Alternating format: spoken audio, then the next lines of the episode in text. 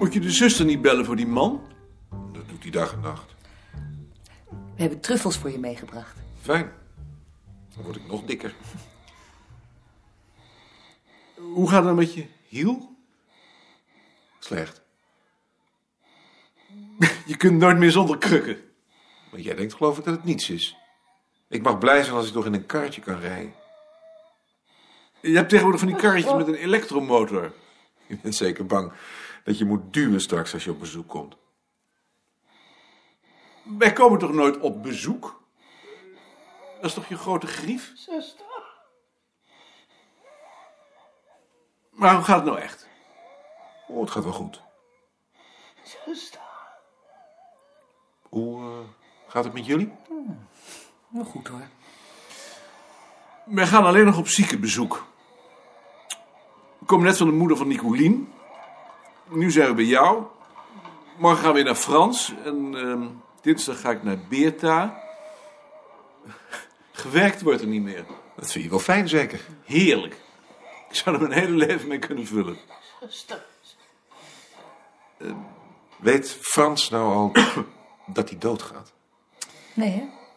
Ik weet niet, ik krijg er geen hoogte van. Laatste keer zei hij dat hij er niks meer van begreep. De ene keer staan ze met z'n zes om een bed en de andere keer met z'n vieren, zei hij. Ik zeg, nooit met z'n vijven. Ja, ook wel eens met z'n vijven. Oh, je moet vertellen van dat boek dat hij van Harriet heeft gekregen. Ja, Wat was dat dan? Zuster. Ja, hou nou maar eens je mond. De zuster komt vanzelf.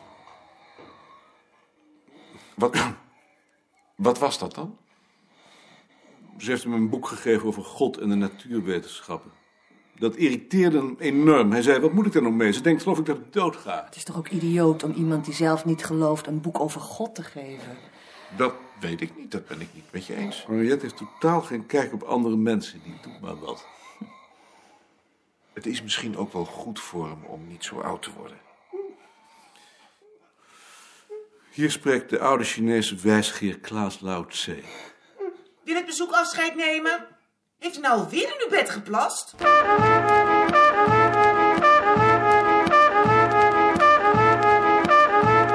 Dat waren de notulen. Dan de mededelingen. Er is een brief binnengekomen van de directeur dat hij het hoofdbureau heeft laten weten dat hij voornemens is gebruik te maken van het recht op fut. Het hoofdbureau heeft hem daarvoor toestemming gegeven. Als vervolg daarop ligt er ook een brief van het hoofdbureau met het verzoek om een profielschets voor een nieuwe directeur. En tenslotte is er nog een brief van het hoofd van de afdeling Volksnamen over de benarde personele situatie op zijn afdeling als gevolg van de blokkering van de postmeijering. Ik stel voor die laatste brief als afzonderlijk punt aan de agenda toe te voegen na de beide voorafgaande. De heer Holzappel heeft bovendien een stappenschema opgesteld waarin punt voor punt de te volgen procedure is vastgesteld. U vindt dat bij uw vergaderstuk. Waarom gaat die man eigenlijk weg? Ik weet het niet. Ja, als iedereen dat voor zich heeft, dan moet ik beginnen met te zeggen dat ik het besluit van de directeur zeer betreur. Al respecteer ik het uiteraard. Het is nu niet het ogenblik om in te gaan op zijn verdiensten. Daarvoor zal nog wel een betere gelegenheid komen. Maar wel om erop te wijzen dat zijn voornemen met de bezuinigingen in zicht en met de te verwachten wijzigingen in de organisatiestructuur van het hoofdbureau die daarmee samenhangen, wel heel erg ongelegen komt. Of juist niet. Ja, of misschien ook niet, maar dat zal dan toch wel moeten blijken. Voor het ogenblik brengt het ons in ieder geval een hoop problemen. Het stappenschema probeert daaraan tegemoet te komen. Het voorziet achtereenvolgens in het opstellen van een profielschets door de commissie. Die profielschets gaat dan voor advies naar de instituutsraad. Dat advies wordt door de commissie weer van commentaar voorzien en doorgestuurd naar het hoofdbureau met een voorstel voor een selectiecommissie. Na goedkeuring van uh, de profielschets en de selectiecommissie door het hoofdbureau stelt de selectiecommissie tenslotte een advertentie op. Nou, als niemand daar nog iets aan heeft toe te voegen, dan stel ik voor dat we vanmiddag eerst een gedachtenwisseling hebben over de profielschets. En dat de directeur, de oud-voorzitter en ikzelf op grond van die gedachtenwisseling in een volgende vergadering, die dan over ongeveer een maand zal plaats hebben, met een voorstel komen. Wie mag ik daarover het woord geven? Meneer Holtzappel misschien? Wat wil je dat ik hierover zeg? Ik vind dit onzin. We hebben hierover op het hoofdbureau natuurlijk uitvoerig van gedachten gewisseld. Hm? En we zijn van mening dat in de profielschets in ieder geval tot uitdrukking moet komen hm, wat het gewenste onderzoeksbeleid middellange termijn is. Jullie moeten gewoon de beste nemen. Ja, dat betekent dat wij daarover eerst zouden moeten discussiëren. Meneer de voorzitter, eh, maak op die manier de zaak niet ingewikkelder dan nodig is. Als, als we nou eens gewoon de beste man nemen. De beste is degene die het gewenste beleid uitvoert. Jij bent toch zeker de beste? Dat betwijfel ik. Misschien dat de heer Holtzappel ook nog kan zeggen wat het hoofdbureau als het beste beleid beschouwt. Kunt u dat? Dat is uw taak. Hm? Maar we hechten er wel aan dat in dat beleid in ieder geval dat wat de afdelingen gemeenschappelijk hebben tot uitdrukking wordt gebracht. Hm? Ja, dus toch een discussie. Ik ben het met Appel eens dat dat toch wel te ver gaat, voorzitter. Als we eerst moeten formuleren wat het wetenschappelijk beleid voor de komende tien jaar moet zijn, dan komen we vanmiddag niet klaar. Ik vind dat ook eerlijk gezegd de taak van de nieuwe directeur. De opmerking van Appel dat dat de beste moet zijn, vind ik zo gek nog niet. Eerste voorwaarde is dat hij leiding kan geven. Als hij dat kan, dan komt het beleid vanzelf. Eerste voorwaarde is dat hij wetenschappelijk gewicht heeft. Wie geen wetenschappelijk gewicht heeft, kan geen leiding geven. Iemand met wetenschappelijk gewicht kan nog niet altijd leiding geven. Daar kan ik zo een aantal voorbeelden van geven. Dan heeft hij geen wetenschappelijk gewicht.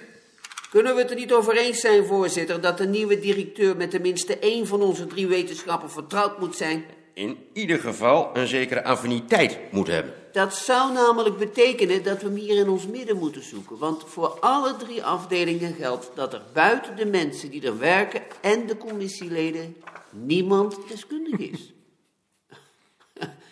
ik bedoel dat dat de keuze wel wat eenvoudiger zou maken. Eh, of niet?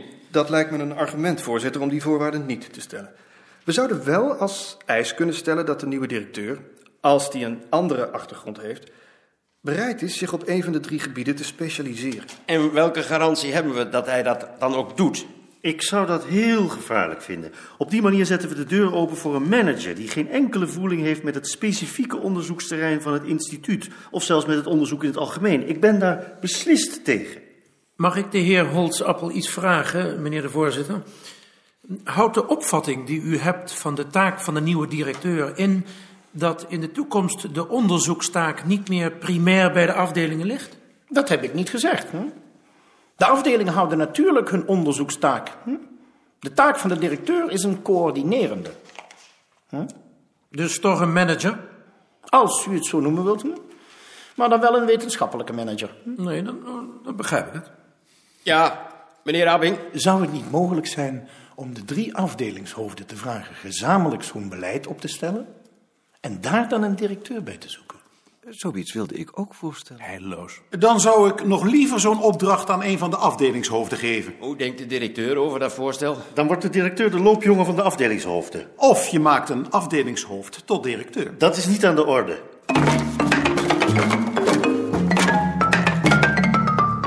Wat vond je van de vergadering? Niet best. Ik vond het een uitstekende vergadering. Iedere minuut die aan die profielschets besteed wordt is verloren. En er is anderhalf uur mee heen gegaan. Het is van het grootste belang of we een manager of een wetenschapsman krijgen. Een interessante discussie. Dat zien we wel als die mannen tegenover ons zitten. En daarom is het van belang dat Vreeburg en Box niet in die selectiecommissie komen. Want die zijn voor een manager. Ze willen iemand die leiding kan geven. En daarmee bedoelen ze een manager. Dan hou je alleen appel over. Appel, daar komt niet een aanmerking, die zit in Bonn. Met sollicitatiegesprek is dat te onpraktisch. Dat zou betekenen dat niemand mijn afdeling vertegenwoordigt. Ach, die afdelingen, laten we er nou eens van afstappen. Zo werkt dat niet. Het lijkt me toch van belang. Je hebt nu weer van Holtzappel gehoord dat het hoofdbureau van die afdelingen af wil. Juist daarom is het voor ons van belang dat er een directeur komt die affiniteit heeft met onze afdeling. Onzin, een directeur moet boven de partijen staan. En de beste garantie dat je zo iemand krijgt is een selectiecommissie van mensen die niet aan een van die afdelingen gebonden zijn. Knottenbelt. Dat weet ik niet. In ieder geval de voorzitter. Goslinga. Zijn er ook mensen van wie jij weet dat ze van plan zijn te solliciteren? Het zou me niet verbazen als eh, de fluiter gesolliciteerd. Maar ik bedoel iemand van het instituut. Nee. Maar het is ook nog wel wat vroeg. Maar jij komt niet in aanmerking.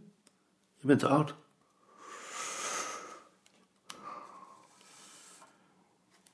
Abink moet het worden. Dat is een prima man. Die zou uitstekend geschikt zijn. Abik een aardige man. hè? En daarom.